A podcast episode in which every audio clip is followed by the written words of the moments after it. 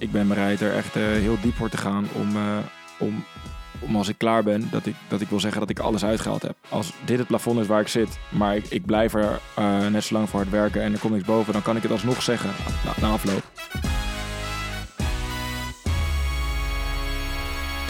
Als kleine jongen was hij elke dag al aan het hockeyen. Als zoon van een Surinaamse moeder en Indische vader groeide hij op in Almere, doorliep hij alle jeugdteams en is hij een van de weinige hockeyers van Almere die het ooit tot oranje schopte. Hij maakte in 2019 de overstap naar topclub Kampong, waar de bliksemsnelle aanvaller zich verder ontwikkelde tot een plaag voor vele defensies. Naast zijn goede prestaties op het hockeyveld kennen we hem vooral ook van zijn strijd tegen racisme in het hockey en zijn relatie met tophockeyster Xander Waard. Ik heb het hier natuurlijk over Terrence Pieters. En daar praat ik in deze aflevering uitgebreid met hem over verder. Terrence, welkom in de studio. Leuk dankjewel, dat je bent. Dankjewel, leuke introductie. Ja, ik wil eerst beginnen met een, um, ja, gewoon een vraag hoe jij eigenlijk hebt gekeken naar de Olympische Spelen in Tokio en de prestatie van de Nederlandse mannen. Jij die er natuurlijk al die tijd bij was. Ik heb het veel gevolgd. Ik heb het met name ook gevolgd omdat um, mijn vriendin ook op de Spelen was. Um, dus ik heb de Oranje Dames uh, ja, echt op de voet gevolgd. En de wedstrijden van de man heb ik ook gekeken. Um, voorafgaand, omdat ik er zelf niet bij was, um, vond ik dat, leek me dat heel moeilijk om dat aan te zien. En wist ik niet zo goed of het wel uh, slim was voor mezelf om dat te zien. Of dat ik misschien ja, toch, toch te confronterend vond. Alleen uiteindelijk toch besloten om wel te kijken. Um, ja, meer omdat ja, ik het gevoel had dat ik confrontatie toch ooit zou aan moeten gaan. En um, ja, in het vervolg hoop ik natuurlijk gewoon weer aansluiten bij Oranje. En als er dan gerefereerd wordt naar wedstrijden die gespeeld zijn op de Spelen, wil ik weten wat er gebeurd is. En eigenlijk met die insteek uh, heb ik het gevolgd. En um, ja, uiteindelijk uh, denk ik dat het resultaat uh, heel teleurstellend is voor de mannen. En um, dat, dat ergens ook wel moeilijk om aan te zien.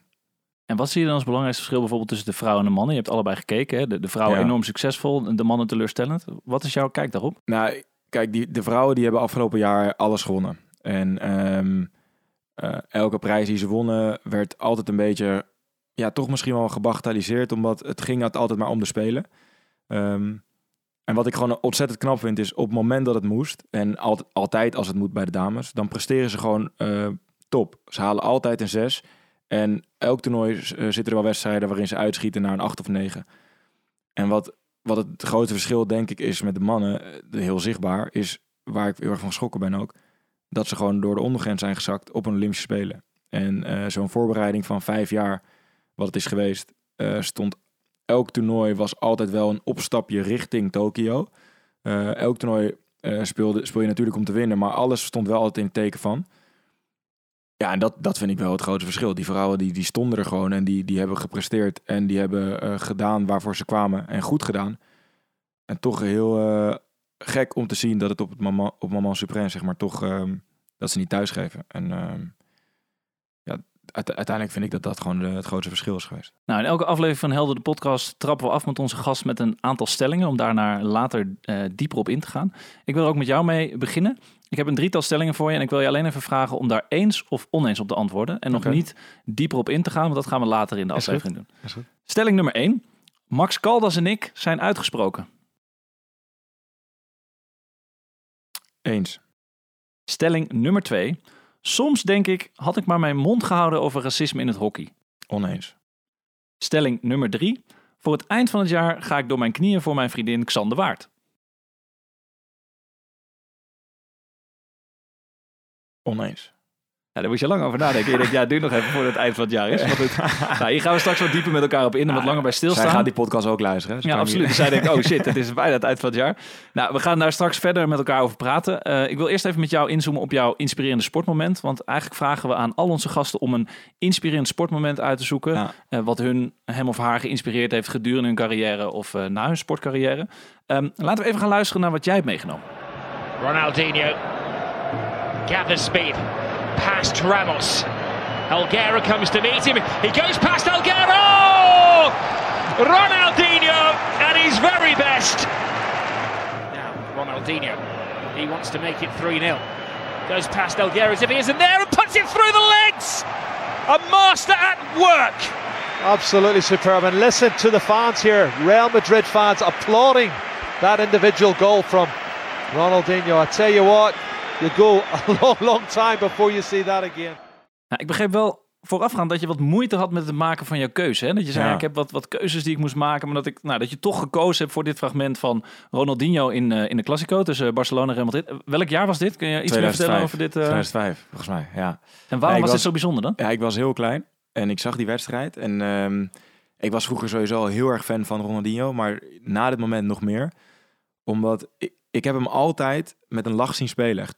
En ehm, hij was nooit gefrustreerd of nooit eh, vervelend aan het doen. Zo, zo was hij voor, voor mijn gevoel helemaal niet. Hij was altijd plezier aan het maken en hij, hij is echt het voorbeeld van spelvreugde. Ehm, en, en ja, daar genoot ik gewoon van als kind. Eh, want toen ik klein was, sportte ik ook omdat ik het allerleukst vond. En eh, dat zag ik gewoon nog steeds bij hem terug. Gewoon een kleine jongen die op het, op het schoolplein aan het, aan het voetballen was. Ehm, en eh, ja, ik, ik, wat dat betreft eh, kon ik daar heel erg van genieten. En waarom dan specifiek dit moment? Ik bedoel, dit was in de Classico. Klopt, volgens mij was het Real Nou, Madrid, ik- Barcelona, ja. toch? 0-3. En wat ik heel bijzonder vond van dit moment is dat hij na zijn tweede doelpunt applaus kreeg van eh, de fans van Real Madrid.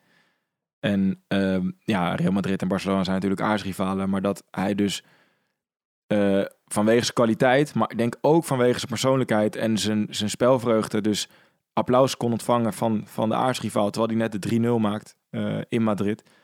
Ja, vond ik, dat, vond ik dat echt heel bijzonder. En ehm, het gaat mij dan niet zozeer omdat hij de waardering krijgt van, van zoveel mensen, maar gewoon ja, dat je dus niet eh, om, om zo'n zo'n speler heen kon die zoveel plezier uitstraalde, dat het even niet uitmaakte voor welke club je was. Dat vond ik zo bijzonder. En wat zijn dan eigenschappen van Ronaldinho die je ook in jezelf terugziet? Of misschien ook nog zou willen terugzien? Nou, wat, nou ehm, ik, ik wil mezelf niet te veel met hem vergelijken, maar ja, kijk, ik, ehm, uiteindelijk hockey ik omdat ik het allerleukste vind. En eh, dat houdt me na elke tegenslag eh, weer, weer, eh, weer positief. En dat zorgt ervoor dat ik ja, het nog steeds heel leuk vind om op een regenachtige dag op het veld te staan. Ehm, ja, en, en ik, ik vergeet gewoon nog gewoon eventjes alles. Als ik, ehm, als ik bezig ben, tuurlijk raak ik ook wel eens gefrustreerd als het even niet loopt. Maar ja, ik vind, uiteindelijk vind ik dat toch gewoon het leukste. Dus ik denk, als ik het plezier verlies, zou ik ook meteen heel snel stoppen. Maar eh, daar ben ik op dit moment nog heel ver vandaan. En wat is dan jouw grootste kracht als hockeyer, sporter? Als je daar eh, iets over kan zeggen. Ehm, ik, denk, ik denk dat mijn grootste kracht is dat ik eh, heel vermogen heb. Ehm, vermogen aan de bal en zonder de bal. Met, met mijn snelheid, ehm, met mijn fitheid, als ik fit ben. Ik heb ook nog wel eens last gehad van blessures. Maar ja, en ik ben een spits. Dus ja, de- scoren hoort erbij natuurlijk. Maar ik denk dat een eh, grote kwaliteit van mij is dat ik als spits goed kan verdedigen. En ehm, ja, daarmee veel ballen kan afpakken van verdedigers of van, ehm, van middenvelders die laag op het veld komen. En dan, eh, dan met, met grote ruimtes op het veld ook dus mijn snelheid kan benutten. En, ehm, en dan gevaarlijk kan worden. Ik Toch een beetje de Ronaldinho van het hockey. Gewoon hoppa, Ja. die passeerbeweging hem maken dus en niet, dan eh, ik zou niet eh, Ronaldinho van het hockey willen noemen, want dat vind ik een hele grote naam. Maar ehm, nee, ik, ik, ik hou ook van spelen vanaf de linkerkant bijvoorbeeld. Dus eh, eh, ja, Ik zie de overeenkomst. er zijn een paar overeenkomsten, ja. Mooi. Hey, en ehm, als je nou verder kijkt dan de Ronaldinho, hè, wat zijn nou eigenlijk eigenschappen? Want je hebt heel veel twijfels, je hebt een aantal mensen waar je inspiratie uit Ja. haalt. Wat zijn nou zaken wat mensen voor jou een, een held maken of een inspiratie? Wat zijn nou dingen die jij dan meeneemt? Ehm, ja, dit zijn, het zijn ook wel eh, niet vaak eh, prestaties. Want Ronaldinho heeft helemaal niet zoveel gewonnen voor mijn gevoel. Tuurlijk heeft hij de Champions League gewonnen, maar eh, niet zoals eh, zo vaak als Ronaldo hem gewonnen heeft. Maar het zijn vaak dingen die ook in de persoonlijkheid van de, van de sporter ligt. Ehm, Kobe Bryant bijvoorbeeld heeft mij heel erg geïnspireerd met dat hij, tuurlijk had hij talent, maar hij was misschien niet de meest getalenteerde speler die, die, die ooit gebasketbald heeft, maar ja, puur op basis van zijn werkethiek het toch zo ver heeft geschopt en zoveel heeft, eh, heeft afgedwongen.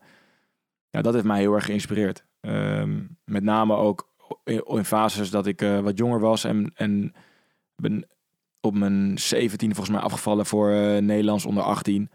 En dat, vond ik dan een hele erg teleurstelling. En dan waren er jongens die misschien ja, toen verder waren. Ehm, maar eigenlijk door ja, op een gegeven moment een soort van een marathon ervan te maken. Door week in, week uit tijd erin te stoppen, hard te trainen, jezelf blijven verbeteren.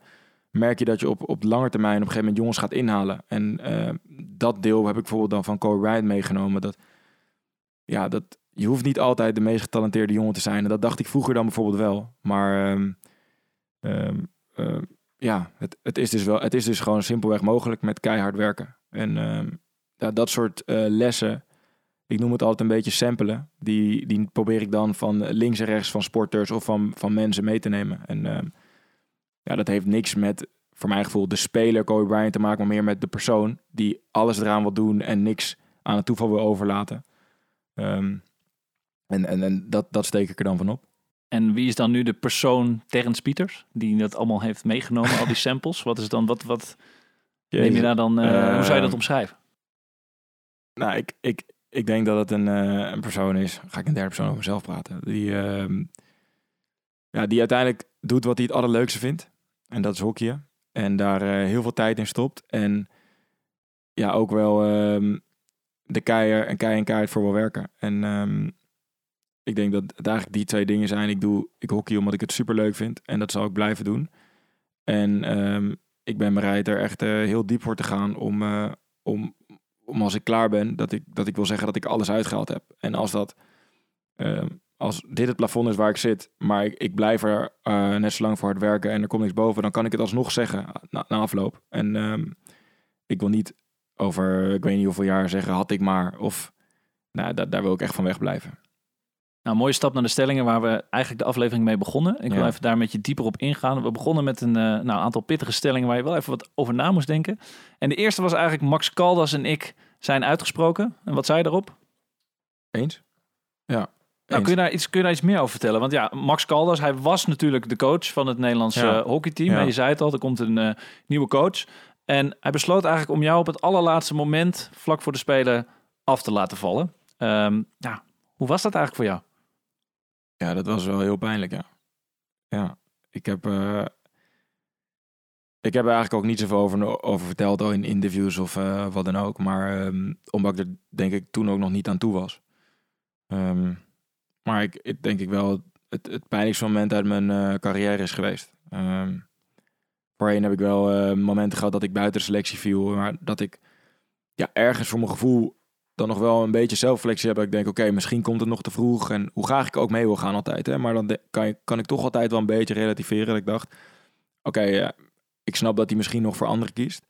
Ehm, alleen dit, deze keer was ik het gewoon echt niet mee eens. En ehm, dat maakte het heel moeilijk. Ook natuurlijk omdat het de Olympische Spelen zijn. Het, het was mijn, is nog steeds mijn grootste droom om, om, om daaraan deel te nemen en om een gouden medaille te halen. Ehm, en ja, uiteindelijk eh, kan je natuurlijk allemaal dingen zeggen van je had het misschien meer kunnen afdwingen. Maar het, het, het, het was ineens heel confronterend dat uiteindelijk gewoon één iemand beslist of je meegaat of niet. En wat was de reden die, die, die hij jou meegaf? Hij heeft gewoon voor andere spitsen gekozen.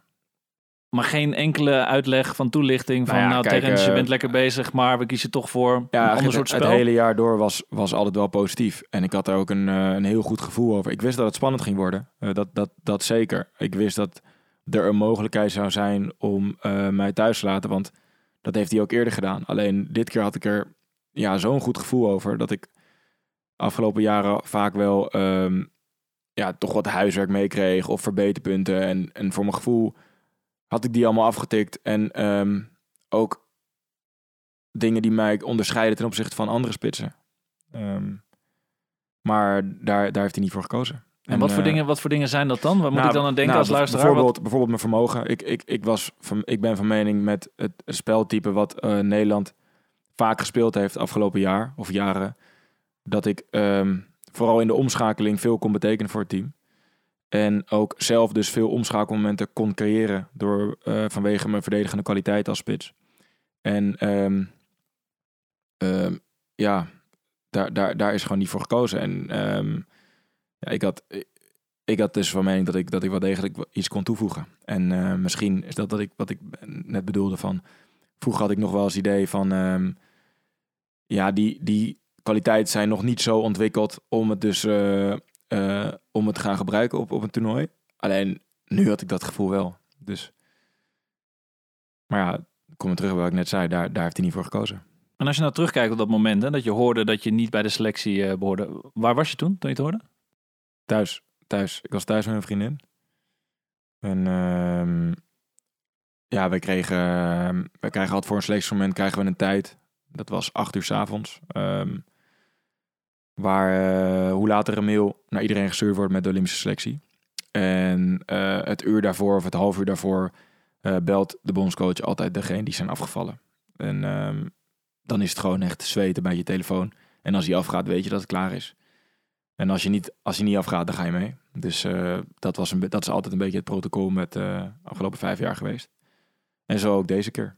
En was je kwaad op hem toen je het hoorde? Hoe, re- hoe reageerde je eigenlijk toen je hem sprak? Ehm, nou, de te- telefoontje is eigenlijk altijd heel kort. Maar als hij dus gaat, weet je al dat je afvalt. Dus eh, ik krijg een beetje rillingen als ik er weer over, als ik aan terugdenk. Maar hij, ehm, ja, mijn telefoon ging dus af. Dus ik, ik zei tegen mijn vriendin, meen je toch niet? En ik- nam me op en ik zei volgens mij iets van zes keer nee of zo. Van, dit meen je toch niet? En toen zei hij, eh, ja, het spijt me, je gaat niet mee. En ja, de rest wat hij zei kan ik me eigenlijk niet meer herinneren. Want eh, ja, van, van binnen was ik al eh, klaar. Ik was helemaal gebroken. Dus de rest kwam eigenlijk niet meer binnen. En daarna, dan zit je daar met, met Xan. En, nou, hoe ga je daar dan mee om? Ja, ik, ik, ik, ik brak wel echt. Ik was echt heel verdrietig. En ja, ik, ik, ik, het eerste uur kan ik me eigenlijk niet zo goed meer herinneren van, ehm, van, van, van dat moment. Was ja, heel apart. Ik heb me nog nooit zo, eh, zo slecht gevoeld eigenlijk. Maar ja, hij, hij spatte gewoon ineens uiteen. Hij spatte echt volledig uiteen. En met één telefoontje ehm, was het gewoon klaar. En het is ook gewoon, het is niet dat er nog iets tussen te krijgen valt. Hè? Als, je, als de telefoon gaat, is het gewoon afgelopen. En ehm, ja, dat, dat heb ik nog nooit zo. Ik heb wel eens eerder meegemaakt dat ik dus gebeld was van je gaat niet mee. Maar deze keer was echt heel apart. En hoe heb je dan toch weer die knop op weten te zetten van nou, die positiviteit van nou ja, ik ga er weer voor? Is dat dan omdat er een nieuwe bondscoach komt en dat je denkt er zijn weer nieuwe Nou, kansen? Of hoe, hoe kijk je daarnaar?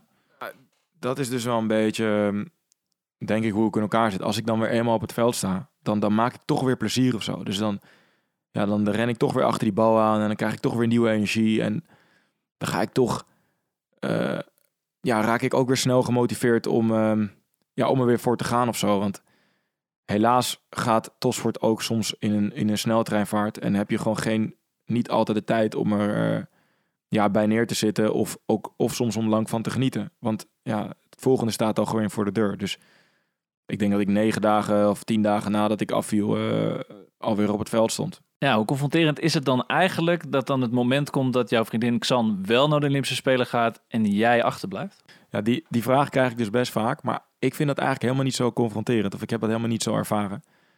Ehm, meer omdat ja, we eigenlijk twee echt hele andere trajecten hebben doorlopen. Ehm, Zo'n zo'n traject richting de Spelen heeft zij op een hele andere manier doorlopen. Omdat zij ja, eigenlijk al, omdat ze ook naar de vorige eh Olympische Spelen is mee geweest, eigenlijk al wist dat ze mee zou gaan als ze goed zou presteren en als ze fit zou zijn. En eh, voor mij was het echt eigenlijk eerst de aansluiting vinden bij Oranje. Ehm, dan bij Oranje blijven en zorgen dat je op een gegeven moment dichtbij genoeg komt om een plekje te veroveren. Dus het waren echt twee hele andere trajecten. Dus ja, tuurlijk doen we dezelfde sport en zijn we op hetzelfde, mogelijk op hetzelfde sportevenement actief. Maar ja, het zijn wel he- twee hele verschillende trajecten. Dus confronteren heb ik eigenlijk helemaal niet ervaren dat zij er wel was. Ik was eigenlijk gewoon heel trots op haar. En ehm, ja, vooral heel blij voor haar dat, dat ze die vijf jaar heeft weten te bekronen met de, met de gouden medaille. Laatste vraag over deze eh, stelling. We hadden het in het begin van het gesprek eigenlijk al een beetje over, hè, van je, hoe je naar de Olympische Spelen hebt gekeken. Ja. Nou, gezien de emoties die je net eh, toont hier, heb je ook niet een beetje zo gehad van, oh ja, zie je nou wel, jullie hadden mij mee moeten nemen. Ja, natuurlijk wel. Ja. En ik denk dat het heel normaal is. Of althans, eh, bijna iedereen die ik over gesproken heb, die, eh, iedereen die ik over gesproken heb, die zei dat het heel normaal was. Ehm, want ik ging toch een beetje twijfelen, want het, komt een beetje in de buurt van misgunnen of zo. Zo, voelde het voor mezelf. Dat ik dacht, dat ik ben dan die jongens niet aan het misgunnen nu of zo. Maar ja, het is toch misschien een, ehm, een beetje bevestiging die je aan het zoeken bent. Ehm, van dat je, zie je wel, jullie hadden me nodig of ik had verschil kunnen maken. Dat, dat zit er wel misschien een beetje in. Maar ook dat het wat draaglijker wordt. Ja, d- d- dat, dat klinkt misschien naar, maar ja, dit resultaat is denk ik draaglijker dan als ze met een gouden medaille waren thuisgekomen. Dus ehm, ik vind het alsnog heel zwaar en ik gun die jongens wel eh, succes. Want je bent toch eh, vijf jaar lang keihard met elkaar aan trainen en je hoopt ja, eh, niet, vooral niet dat, dat ze zo eindigen, maar je hoopt dat ze er een mooie herinnering aan overhouden. Maar eh, het, het is wel iets draaglijker als het resultaat ja, zo is zoals het nu is, in plaats van dat ze met goud terug zouden komen. Op naar een nieuw tijdperk met een nieuwe bondscoach. Dan Daar maar, gaan we toch? voor. Ja, zeker. Nou, nu even een hele andere eh, stelling die, die helemaal los staat. Nou, niet helemaal los staat, maar niet over de, de sportprestatie gaat. Ehm, Ja. We begonnen eigenlijk over van soms denk ik, had ik mijn mond maar gehouden over racisme in het hockey. En daar zei je eigenlijk heel snel Ja, oneens, klopt. oneens over. Dat Ja. was de, de snelste reactie. Eh, ja, vorig jaar gaf je natuurlijk een uitgebreid interview in de Volkskrant... waar je uitgebreid uitsprak tegen racisme in het hockey. Kun je daar iets meer over vertellen? Ja, klopt. Nee, ik heb me toen, ehm, ja, eigenlijk tijdens de Black Lives Matter beweging heb ik me uitgesproken ehm, over eh, racisme, hoe ik eh, in mijn jeugd eh, bejegend ben geweest en dan ja, ook met name in het hockey. Ja, nou goed, jij bent natuurlijk in jouw een sport, nou ja, een, een, in jouw, met jouw achtergrond een zeldzaamheid hè, in, het, in het hockey, in het zogenaamde witte sport, zal ik maar zeggen. En jij was eigenlijk de eerste donker, donkere hockey in het Nederlands team. Hoe kijk je daar nou zelf naar? Ja, ik vind het helemaal niet zo eh, bijzonder, of althans, ehm, ja, ik, ik, ik heb het nooit zo eh, speciaal ervaren als het ware. Ja, ik eh, ben ook maar een jongen uit Almere die gewoon hockey heel leuk vond en die, die grote droom had. En ik ben gewoon heel trots dat ik, dat ik, dat ik uiteindelijk mijn debuut heb mogen maken en dat ik nu deel uitmaak van het Nederlands elftal. Ehm, maar ik, ja, ik, ik snap dat het soms misschien speciaal oogt, maar ja, dat, zo heb ik het zelf eh, nooit echt ervaren of als, als doel gehad of zo. Dat is het zeker niet. Nee, maar je hebt natuurlijk dat interview in de Volkskrant is natuurlijk heel veel besproken. Oh, Iedereen komt oh, nu bij ja, jou over de racisme-discussie Nee, van, nou ja, kijk, het- ik had mijn mond niet willen houden. Hè, dus Zeker niet. als je daarop Nee. terugkijkt. Nou, ik vond het heel, eh, heel eng wel om te doen en heel spannend. Ehm, en eigenlijk de hele beweging rondom ehm, het uitspreken en eh, de beweging van Black Lives Matter heeft er heel erg in bijgedragen dat ik het op een gegeven moment ook gedaan heb. Ehm, ja, omdat ik toch op, een gegeven moment mensen zich zag uitspreken en dacht, ja, het is wel goed dat, dat mensen zich eruit spreken, maar ja, als, als dat binnen het hockey zou, zou moeten gebeuren, wie zou het dan doen? En dan ja, kwam ik op een gegeven moment dat ik dacht, ja, misschien moet ik dat maar gewoon gaan doen. Want ja, verleidelijk, of nee, verleidelijk, eh, op een gegeven moment hoorde ik toch wel een beetje geluiden van, ja, maar dat is in het hockey niet, of ehm, dus dat gebeurt niet echt, of daar heb jij toch geen last van. Die vraag kreeg ik vaak. Ja, en dan, dan, ja, dan dacht ik, ik wil daar toch iets, iets over kwijt, zeg maar, hoe het, hoe het, hoe het naar, in mijn ogen eh, eigenlijk echt aan toe gaat. En ehm, ja, uiteindelijk eh super veel goede reacties op gehad. En ehm, veel, veel, veel mensen ook die aangeven dat ze er bewust van zijn geworden. En, en hier en daar ook wel wat activaties gemerkt. Dus dat vind ik eigenlijk heel tof. En kun je iets vertellen over de last die jij ervan gehad hebt? Nou, ehm, ja, ja, kijk, ik denk vaak buiten hockey om, zeg maar, eh, was de, de link of de, de match Terrence en, en hockey, zeg maar, niet logisch. Of dat, dat matchte vaak niet. Dus, Waarom eh, niet? ge- ja, geen idee. Ik denk dus omdat ze niet verwachten dat, dat een jongen zoals ik zou hockeyen. En dat is wat ik aangaf als ik bijvoorbeeld op de, op de scooter naar huis reed met een hockeystick. Dan, dan vond de politie dat verdacht en dacht dat ik iets van plan was. Terwijl ik was 17 en ik reed op mijn scooter naar huis na de training. En eh, dan gingen ze kijken wat er in mijn tas zat. En er zaten een paar scheenbeschermers in, weet je wel. Eh, dus die link eh, klopte niet of zo. Daar kwam ik dus vroeg achter.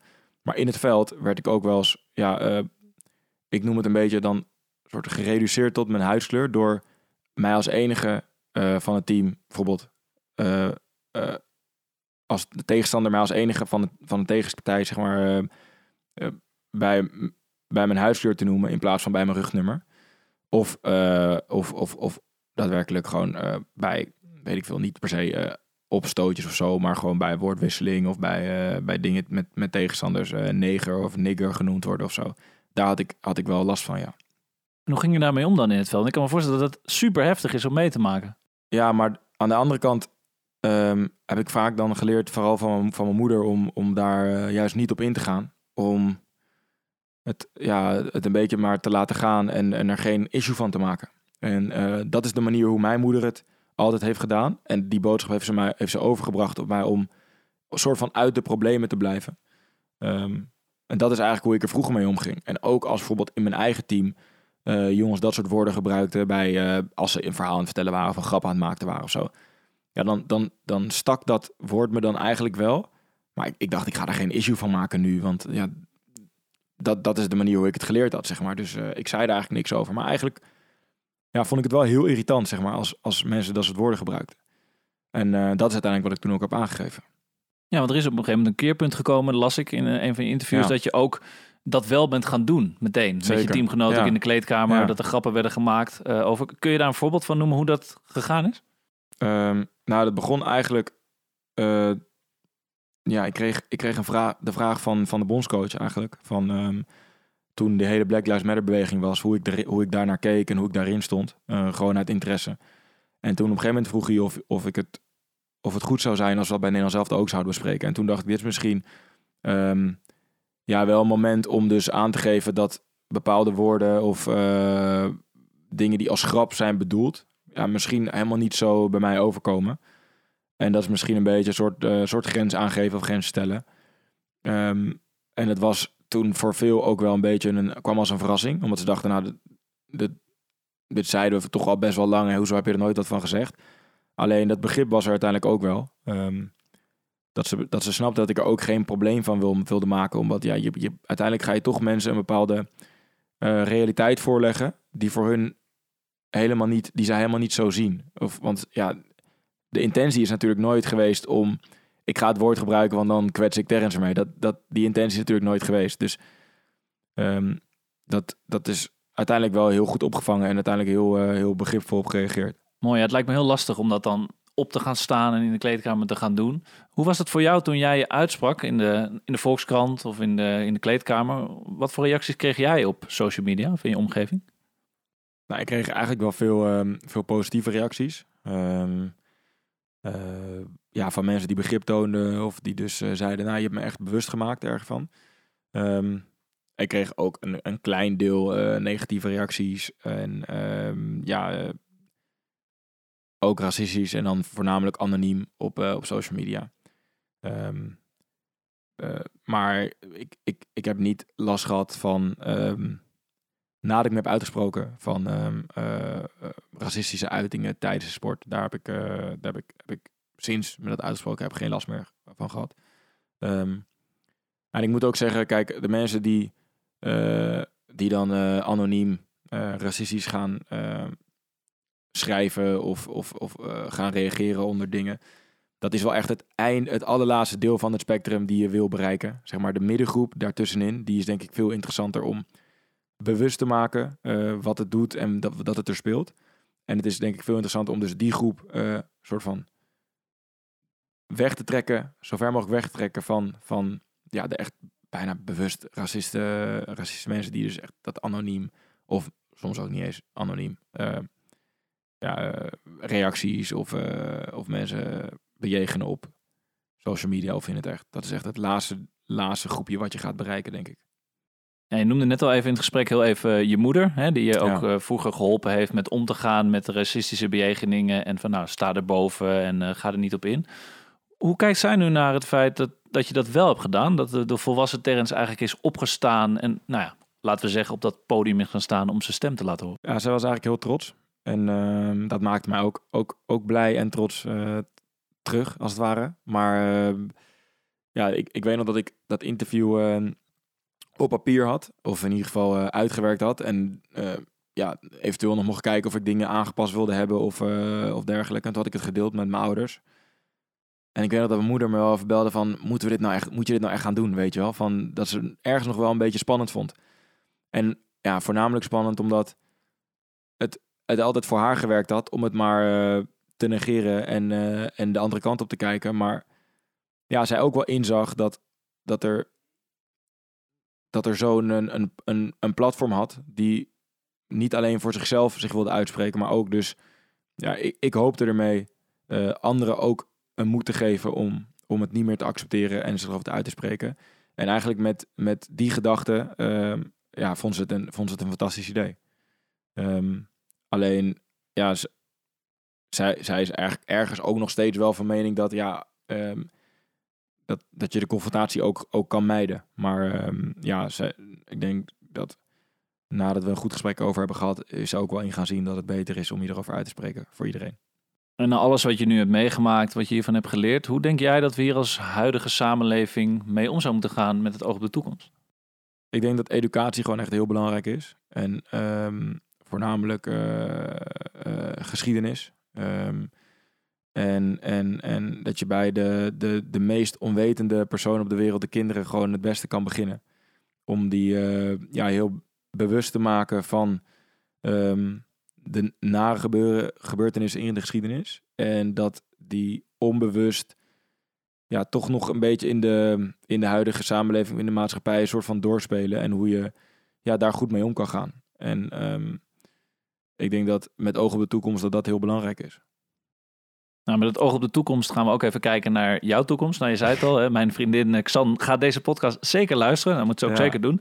Maar we hadden de laatste stelling. eh, en toen zei ik eigenlijk van, nou, voor het eind van het jaar ga ik door mijn knieën. Voor mijn vriendin eh, Xan de Waard. Nou, daar moest je heel lang over nadenken, want het jaar is natuurlijk nog kort. Ja. Maar eh, vertel, eh, wat zijn jouw, wat zijn Nou, jullie stel- toekomstplannen? Kijk, stel ik zou dus, stel ik zou dus voor het einde van het jaar mijn knie willen gaan. Dan kan ik het natuurlijk niet in een podcast vertellen. Dus ik moest wel Het oneens is wel zeggen. romantisch, hè? Een, een aanzoek doen in een podcast en zo. ik moest wel oneens zeggen. Nee, ehm, eh, ja, we zijn nu vijf jaar samen. En eh, we wonen samen en we zijn super gelukkig. En ehm, ik zie mezelf in de toekomst wel op mijn knieën gaan voor haar. Ja. Dat zeker. Alleen ik ga natuurlijk niet vertellen wanneer. Nou, dat is een eh, spannende cliffhanger. Goed, om, om heel eventjes eh, de context te schetsen. Jullie staan natuurlijk wel bekend als het hockeykoppel eh, van Nederland. Hè? Net als Kjeld Nuis en Joy Beunen bekend zijn als het schaatskoppel van Nederland. Hoe kijken jullie daar zelf naar, dat het vaak over jullie samen gaat? Ja, ja het gaat een beetje langs ons heen. Het is, het, ja, wij zien onszelf echt niet als een hockeykoppel. Dat we elkaar alleen maar leuk vinden omdat we hockeyen. Eh, of in ieder geval, ik vind Xan echt niet alleen maar leuk omdat ze goed kan hockeyen. Ze is super intelligent, ze is heel gedreven en, en ambitieus. En eh, echt, ja, ik vind haar ook heel zelfstandig en dat vind ik heel tof. En eh, dat zie je ook eigenlijk ook heel erg terug in, in haar dagelijks leven en hoe ze hoe ambitieus ze ook is op maatschappelijk vlak. Dus eh, ja, hoe wij, dat we allebei veel hockeyen, dat is, dat, daar gaat het thuis echt niet alleen maar over. Echt alles behalve. Hoe hebben jullie elkaar eigenlijk eh, leren kennen? Ik bedoel, het- het zou natuurlijk kunnen zeggen het hockeyveld, maar hoe Nou, is dat gegaan? Het is echt hockeyveld helaas, ja. Maar vertel, daar- vertel daar even over voor de luisteraar, die weten Ja, het kijk, natuurlijk niet. We hockeyden allebei en ehm, eh, we wisten ook allebei wel dat we wie we waren, maar eh, gewoon van de hockeywereld, om zo maar te zeggen. Maar een van de beste vriendinnen van, eh, van Xan, van mijn vriendin, is ook een goede vriendin van mijn zus. En ehm, ja, zo, eh, zo hebben we eigenlijk elkaar voor het eerst eh, gezien. En dat was dat ik met mijn zus meeging naar, eh, naar die vriendin van haar. En dat, dat, die moeder, dat Xan eh, later op de dag zou komen. En die moeder ging mij heel erg daar houden. Die zei, nee, jullie moeten nog niet weggaan. Blijf nou, blijf nou. En toen heb ik Xan daar, en we bewijs van alleen de hand geschud. Toen kwam ik er even twee minuten tegen. Toen ging wij weg. En toen later die zomer ehm, speelde ik nog bij Almere. En toen hadden wij een, oefenwedstrijd tegen Nederlands dames. En toen speelde ik dus tegen Xan. En ehm, we hadden elkaar toen, eh, dus een paar weken eerder, hadden we elkaar voor het eerst gezien. En toen, eh, ja, eh, tegen elkaar gespeeld.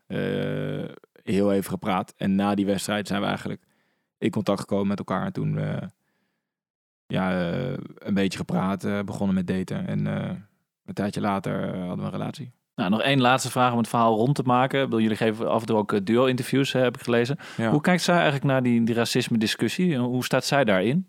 Ehm, nou, wat, ik heel tof vond, we hebben dus een keer een, eh, samen een interview gegeven. En wat ik zo tof vond, is dat zij ehm, ja, een beetje vanuit de bevoorrechte positie vanuit deze discussie zich heel erg eh, heeft uitgesproken ook. Ehm, eh, tegen, tegen racisme. En ehm, wat ze daarmee heeft bereikt, is dat ze ja, niet dat ze ook juist mensen bereikt heeft die op zich eh, mensen zoals ik wel, wel naar luisteren, maar het misschien toch nog niet helemaal inzagen. En zij heeft zich een beetje uitgesproken vanuit hoe zij dan noemde haar privilege en haar bevoorrechte positie. En ehm, ik denk dat dat wel een stap is om eh, elke discussie eh, nog verder op gang te helpen. Ehm, dat niet alleen de benadeelde partij, maar ook juist de bevoorrechte partij zich erover gaat uitspreken. Dat je dan echt verandering teweeg gaat brengen. Dus eh, dat heeft zij gedaan. En eh, ja, dat, dat, dat vond ik heel tof, ja. En wat voor reacties kwamen er dan misschien vanuit het Nederlands team of vanuit haar vriendinnen daarop? Want dat is natuurlijk de hele andere kant van het spectrum wat jij Nou, zij kreeg eigenlijk ook heel veel verbazende, wel goede, maar ook verbazende reacties. Omdat zij het ook heel erg vanuit het oogpunt heeft laten zien van... eh, ik ben een vriendin van een jongen die racistisch wordt, of soms eens racistisch wordt bejegend. En dat het haar eigenlijk ook heeft verbaasd hoe erg eh, dat speelt bij mij. En hoe, hoe erg ik daar soms ook eh, ja, onbewust mee bezig ben. Dat zij denkt van, soms dacht van waarom, eh, waarom doe je nou zo raar bewijs van? En dat ze daar dus pas later van, van bewust werd dat het, ja, dat het zo erg bij mij speelde. Ehm, ja, zij merkte wel dat bijvoorbeeld teamgenoten of vriendinnen van haar daar best wel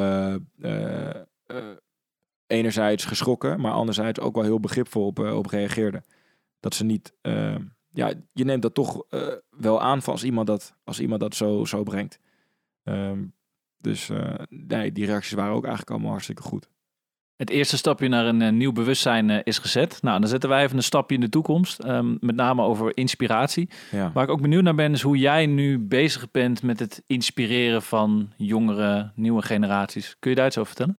Ehm, tuurlijk. Ik, ja, ik, ik, ik, allereerst probeer ik altijd gewoon mezelf te zijn. Ik denk dat dat, eh, dat het allerbelangrijkste is. Ehm, ik heb niet per se dat ik als doel heb van eh, ik wil zoveel mogelijk mensen inspireren. Maar ik, ik, ik zie wel in dat je als topsporter op een gegeven moment een platform eh, hebt. En dat je, dat je ja, dat jongeren en kinderen vooral tegen je, naar je opkijken. En ehm, ja, als jij dan ehm, waardes hebt die jij belangrijk vindt en je gaat dat uitvergroten, dat je dan wel veel, veel over kan brengen. Dus met name met het uitspreken over racisme heb ik, me, heb ik dat wat- uitvergroot, omdat ik het gevoel heb dat, ja, dat, ik, ik, dat ik dat belangrijk vind en dat ik daarmee eh, ja, ook, ook een stukje informatie over kan brengen. Ehm, maar bijvoorbeeld ook met Helden heb ik dus nu aangesloten bij eh, Project Comeback om, ehm, ja, om kinderen eh, over de tegensla tegenslagen van, van corona heen te helpen. En ehm, dat vind ik, dat vind ik toffe, toffe initiatieven. En ehm, op die manier probeer ik een beetje mijn steentje bij te dragen. En hoop ik, eh, hoop ik, hoop ik eh, ja, wat te kunnen betekenen voor, voor een nieuwe generatie. En stel dat we hier nou over twintig jaar weer zijn. We hebben weer een podcast, praten we elkaar weer. Hoe hoop jij dat ehm, ja, mensen dan over jou spreken? Hoe hoop je herinnerd te worden? Ik, ja, ik, ik, ik hoop het gewoon echt als, eh, als mezelf eigenlijk. Ehm, als, als, als, als iemand die, ja, die hockeyde en die er eigenlijk altijd plezier in had. Dat je dat altijd aan hem, eh, van, hem, eh, van hem af kon lezen. Dat hij er echt van genoot. Dat hij er alles uitgehaald heeft wat er voor hem in zat. En ehm, ja, dat hij eh, ook wel zo'n zo'n platform wat hij dus opgebouwd had, ook heeft gebruikt om in te zetten om dus de nieuwe generatie te inspireren. Ehm, met de dingen waar hij voor stond. En ehm, ja, dat is eigenlijk wat we het afgelopen, wat is het, 40 minuten over gehad hebben. Dus eh, ik, hoop, ik hoop dat dat alleen maar meer uit te vergroten. En ehm, ja, dat ik de- op die manier word herinnerd. Nou, ik heb hier een tegeltje voor je liggen. Daar mag je eigenlijk jouw boodschap voor de volgende generatie opschrijven. Ik heb heel veel mooie boodschappen gehoord. Maar deze boodschap zullen we ook gaan vereeuwigen aan eh, de heldenmuur. Als je Ja. nou één boodschap zou mogen uitkiezen die ook op een tegeltje past. Wat zou je dan willen opschrijven? Eh, dan, dan zou ik opschrijven: laat je nooit door iemand vertellen dat je iets niet kan. Dat vind ik een, eh, een hele krachtige boodschap. En ehm, ook iets wat mij eh, veel heeft, eh, heeft gebracht.